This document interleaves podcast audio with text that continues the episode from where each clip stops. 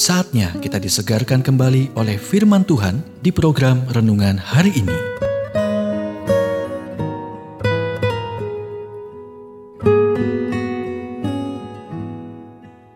Renungan hari ini berjudul Menjadi Saleh berarti menjadi baik, bagian kedua.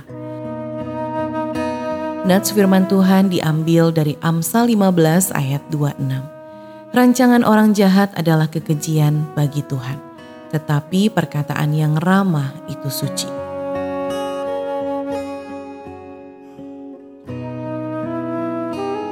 Terkadang kita berkata kepada orang-orang setengah bercanda, "Cobalah untuk menjadi baik." Dan jika Anda tidak bisa menjadi baik, berhati-hatilah. Idenya adalah jika Anda memutuskan tidak untuk menjadi baik, pastikan Anda cukup pintar untuk tidak ketahuan. Namun pada kenyataannya, kurangnya kebaikan kita bukanlah bahan tertawaan. Dalam kata-kata Robert Fitz, kita adalah zaman di mana etika telah menjadi usang. Moralitas digantikan atau disusul oleh sains, dihapus oleh filsafat, dan disingkirkan sebagai emotif oleh psikologi. Ia tenggelam dalam belas kasih, menguap dalam estetika, dan mundur sebelum relativisme.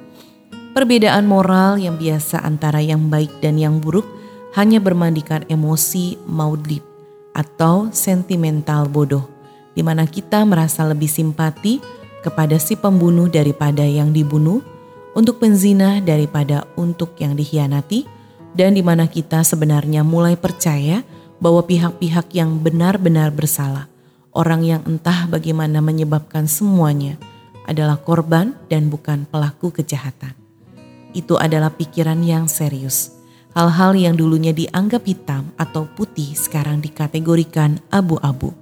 Kebaikan yang dulu memenuhi standar universal sekarang menjadi masalah interpretasi dan preferensi pribadi. Dan wabah pejabat publik yang perilaku pribadinya membuat kita terkejut tidak membuat keadaan menjadi lebih baik. Saat ini Anda mungkin berpikir, saya membaca renungan ini setiap hari untuk mendapatkan sesuatu yang akan membantu saya merasa baik dan hari ini tidak melakukannya. Itulah intinya. Untuk merasa baik, Alkitab mengatakan Anda harus berlatih melakukan baik dan menjadi baik yang membuat Anda senang untuk Tuhan.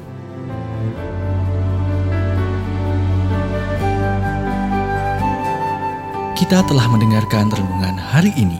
Kiranya renungan hari ini terus mengarahkan kita mendekat kepada Sang Juru Selamat, serta menjadikan kita bertumbuh dan berakar di dalam Kristus. Renungan hari ini tersedia dalam bentuk buku maupun digital dan bisa Anda miliki dengan menghubungi Japri di WhatsApp 0812 8784 7210 atau email ke infoapripusat@gmail.com. Tuhan memberkati.